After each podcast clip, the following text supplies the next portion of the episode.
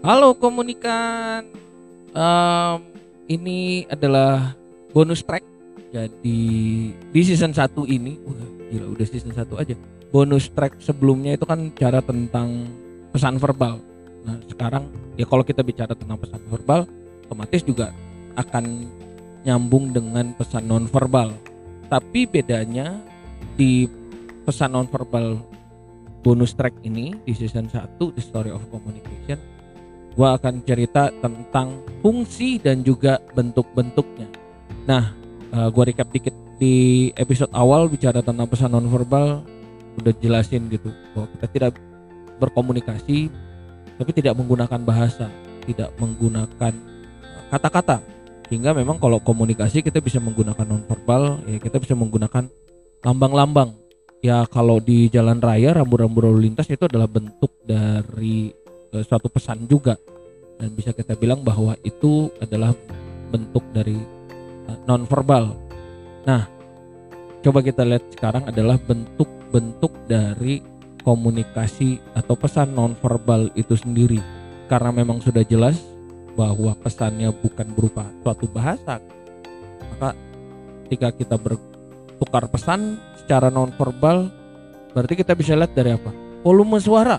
Nah, ada memang di Indonesia di daerah tertentu orang-orang dari satu suku dari daerah tertentu itu volume suaranya memang sudah paten seperti itu. Sehingga kalau di keramaian gitu kemudian kita dengar wah volume suaranya kayak gini. Oh mungkin dia dari satu daerah tertentu.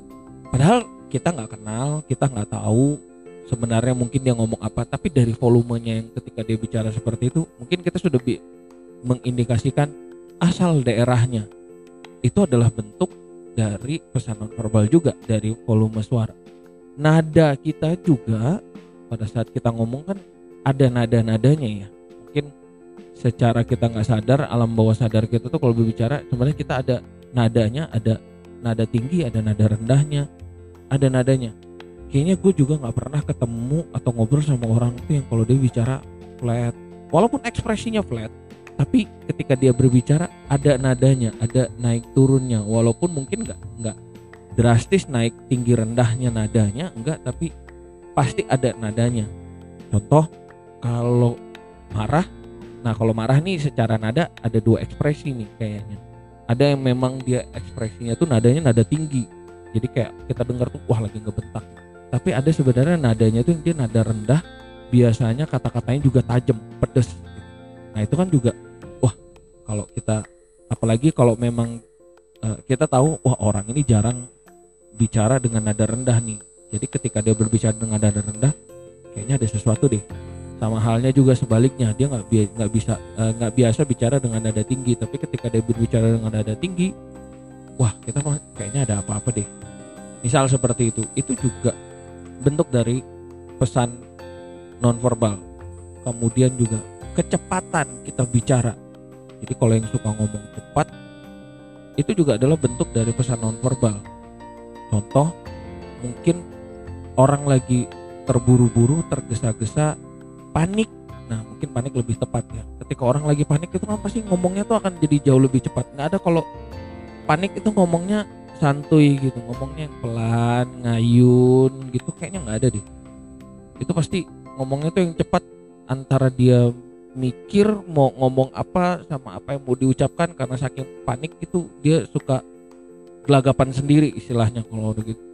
Nah ternyata kalau kita dengar wah kita nggak lihat nih mungkin di di dalam posisi kita di di mana pun kita nggak lihat nih tapi wah kok ngomongnya agak-agak panik ini wah berarti ada kenapa kenapa nih itu sudah jadi satu pesan kan waktu jeda nah, kalau dalam dunia public speaking ada istilahnya dead air gitu atau kalau yang sering kita dengar itu kan ada yang ucapin um, uh, ya hal-hal seperti itu.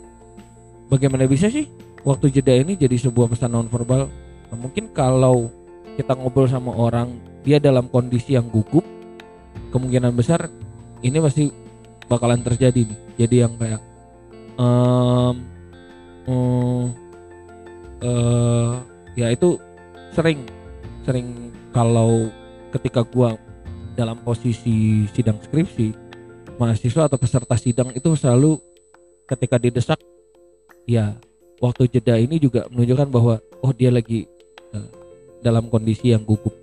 Itu juga bisa jadi satu pesan nonverbal buat gua. Ada juga pesan nonverbal lainnya itu adalah keragaman vokal. Keragaman vokal ya kita Indonesia dengan keragaman suku yang ada itu keragaman vokalnya kan sangat bermacam-macam ya. Mungkin keragaman vokal ini dia dekat dengan dialek gitu. Sehingga ketika mengucapkan sebuah kata ada aksen tersendiri. Jadi wah kayaknya dia dari sini nih. Wah kayaknya dia dari sini. Atau kalau contohnya internasional misal ya tidak semua bisa mengucapkan atau me, apa istilahnya ya? Pengucapan dalam bahasa Inggris itu dengan baik. Itu juga nggak baik gitu.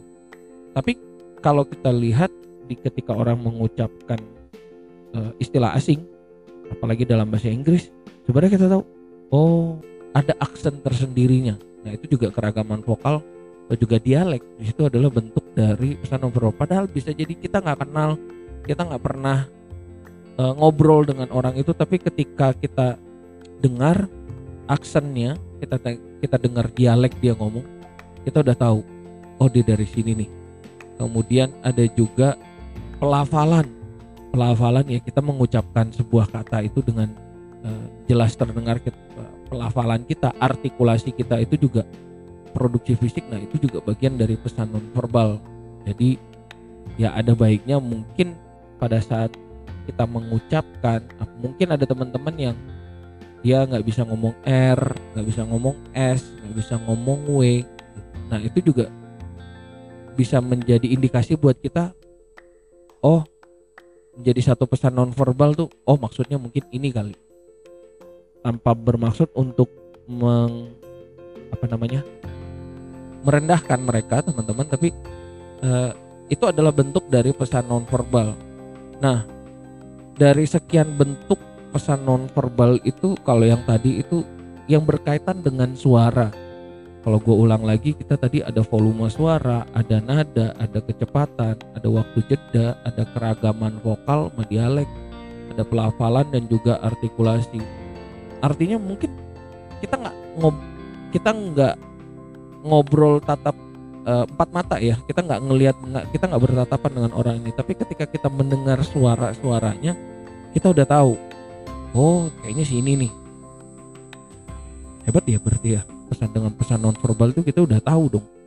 Siapa kita berkomunikasi tanpa kita ngelihat gitu. Wah luar biasa.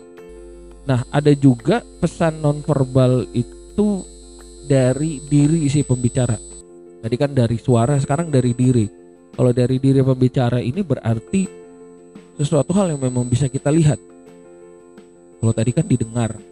Berarti kalau didengar itu kita nggak ber nggak e, berhadapan. Kita cuma dengar saja kita udah tahu kayaknya si ini kayaknya si ini. Kayaknya lagi dalam kondisi dimarahin kayaknya lagi ini. Tapi kalau ini kita melihat artinya kita berhadapan. Pesan nonverbal yang pertama ada kinesik yaitu gerakan anggota tubuh kita contoh sederhananya kalau gerakan anggota tubuh ini kalau kita presentasi udah jelas ya. Kalau presentasi itu nggak mungkin cuman sikap sempurna aneh malah. Bahkan ada tips dari public speaking kalau dalam uh, presentasi public speaking ya kita boleh menggerakkan anggota tubuh kita selama itu tidak lebay. Jadi jangan dan gerakan anggota tubuh kita juga itu menjadi pesan nonverbal pada saat kita mencoba untuk menjelaskan itu ada gerakan-gerakan anggota tubuh kita. Atau nah misal nih manggil temen nah biasa kan paling sering kayak gitu tuh. Kalau kita ngeliat dari jauh kalau kita teriak kan pasti nggak kedengaran. Tapi dengan gerakan anggota tubuh kita kita bisa manggil dan eh atau paling enggak misal kita yang dipanggil tadi dengan ada yang misal satu uh, teman kita dari jauh gitu dia melambaikan tangan dari situ kan kita sudah bisa tahu oh itu teman gua tuh. Itu. Ada juga personal appearance. Personal appearance berarti penampilan ya. Apa yang kita kenakan apa yang kita gunakan itu juga menjadi pesan nonverbal. Contohnya ini udah sangat jelas. Batik itu sudah sangat meng, uh, sudah menjadi ciri khas orang Indonesia banget sih. Sehingga di dunia di internasional terlebih lagi kalau kita pakai batik orang langsung bisa uh, mengenali gitu. Wah kayaknya kamu dari Indonesia ya? Atau contoh lain dari apa yang kita gunakan ya misal kita ada dalam satu event-event tertentu dan juga memang sudah harus ada uh, apa istilahnya kalau undangan-undangan formal gitu acara-acara kenegaraan kan biasa ada sini pakaian apa segala macam. Nah itu adalah bentuk dari personal appearance bahwa wah kalau kita datang ke acara formal acara formal namanya formal udah pasti itu personal appearance kita harus rapi.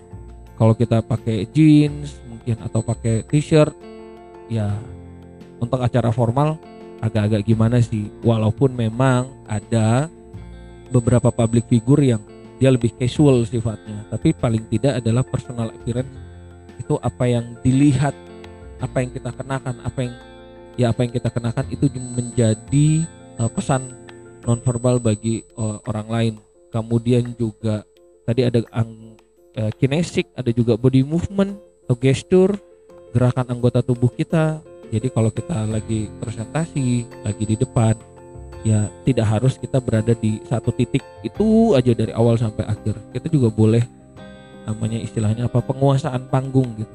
Kita boleh bergerak ke kiri, bergerak ke kanan. Selama itu nggak kayak setrikaan gitu ya, bolak-balik langsung cepat gitu. Ya itu nggak juga. Itu juga bagian dari namanya uh, eh, non verbal. Kemudian Nah ini kontak mata itu juga bagian dari pesan nonverbal. Ingat ya episode sebelumnya tadi gua ada kasih contoh gimana orang bisa konflik ya cuman karena lihat-lihatan. Ya karena apa? Ya karena pesan nonverbal itu dengan kita ngelihat berarti kan sudah ada kontak mata. Jadi kayak yang sering tuh kalau biasa anak-anak gang kan yang apa lu lihat-lihat, apa lu lihat-lihat. Padahal sebenarnya kan yang mata kita juga digunakan untuk melihat ya. Atau paling ininya tuh adalah kalau gua uh, lagi ngajar di kelas terus gua mau nanya ke mahasiswa nah itu tuh mulai dari tadi biasanya anak-anak di kelas tadi yang matanya itu fokus ke depan tiba-tiba memalingkan muka menghindari kontak mata karena apa momen uh, dosen mau nanya gitu ketika ada kontak mata dengan mahasiswa jadi kayak nah ini nih. Ini gua tunjuk nih. Kayak gitu. Itu menjadi ya pesan nonverbal. Itu tadi dan pesan nonverbal dari apa yang kita dengar dan apa yang kita lihat. Nah pertanyaannya adalah kenapa sih dari apa yang kita dengar apa yang kita lihat itu bisa menjadi sebuah pesan dalam proses komunikasi Nah, jawabannya karena sebenarnya perilaku nonverbal kita itu memiliki fungsi-fungsinya. Fungsi yang pertama, perilaku nonverbal kita itu mengulangi perilaku verbal.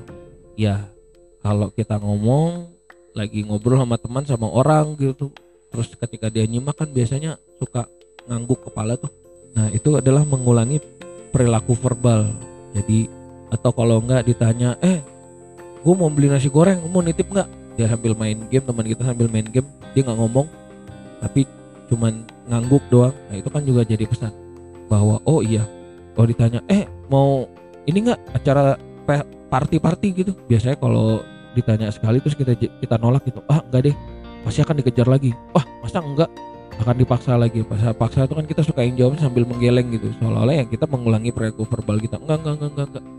itu fungsi yang pertama bahwa perilaku verbal kita perilaku eh, non verbal itu mengulangi perilaku verbal. Fungsi yang kedua non verbal itu memperteguh menekankan atau melengkapi perilaku verbal. Ya misalnya kalau lagi di tongkrongan gitu kita udah mau balik eh cuy balik dulu ya. Wah itu udah tuh. Biasanya kalau jauh gitu kan cuman kayak ngelambain tangan doang gitu. Nah, itu fungsi yang kedua. Fungsi yang ketiga perilaku nonverbal kita itu menggantikan perilaku verbal. Jadi berdiri sendiri. Nah misal kalau gua makan di kaki lima gitu ada beberapa tempat baik daerah Jakarta Selatan beberapa kan juga masih ada yang suka sambil ngamen gitu. Nah kadang wah kalau gua memang nggak nyiapin ya mau nggak mau gua nggak ngomong. Tapi cuman non verbal doang. Biasanya kan cuman uh, apa sih istilahnya itu ya menggoyangkan tangan lah dengan telapak tangan. Kalau yang istilah kasarnya gitu kayak bilang talk to my hand gitu. Tapi maksud gue bukan itu ya maksud gue bukan talk to my hand tapi posisi tangan kita tuh adalah kayak tuh kita menggoyangkan telapak tangan kita mengarah ke depan.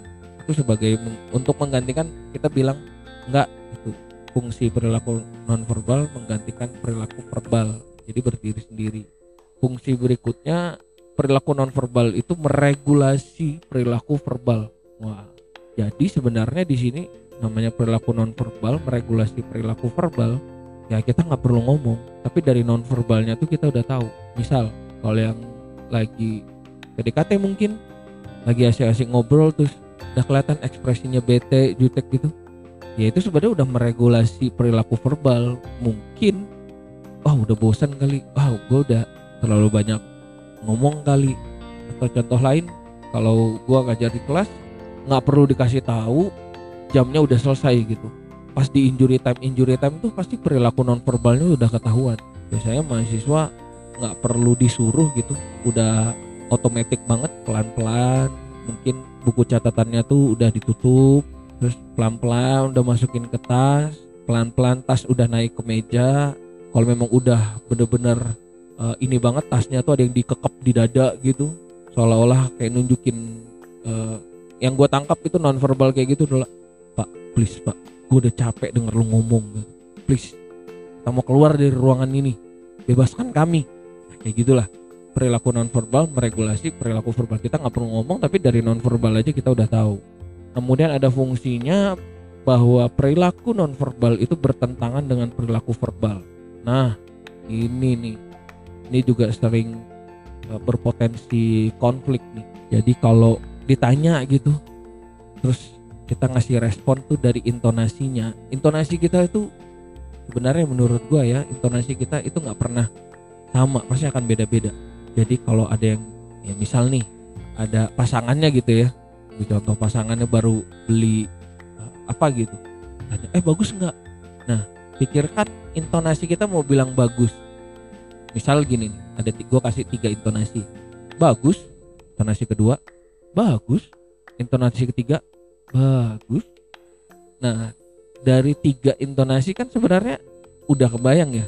Ya terserah lu mau milih yang mana kalau memang bener-bener kita bilang ini, ini ngomong bagusnya itu ikhlas gak sih? Gitu. Bener-bener yang ada atau kalau enggak tuh ada yang bagus sih. Nah ada sihnya. Wah kalau lagi pasangan tuh biasa berantem tuh. Ada sihnya. Atau kalau enggak bagus tapi nah ada tapi. Nah udah itu tuh.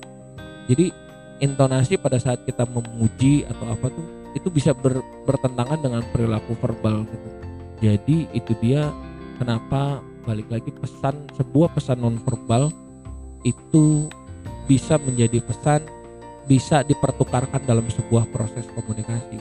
Karena kita berbicara, kita bertukar pesan itu tidak melalui tidak hanya melalui bahasa kata-kata yang kita gunakan sehari-hari, tapi melalui apa yang kita ucap, apa yang didengar orang uh, oleh orang lain, apa yang kita kenakan, apa yang dilihat oleh orang lain, apa yang kita lihat juga dari orang lain itu juga menjadi sebuah pesan dalam proses komunikasi. Dan ingat pesan nonverbal itu bisa dipertukarkan karena perilaku-perilaku nonverbal kita itu memiliki fungsi-fungsi yang berkaitan dengan perilaku verbal.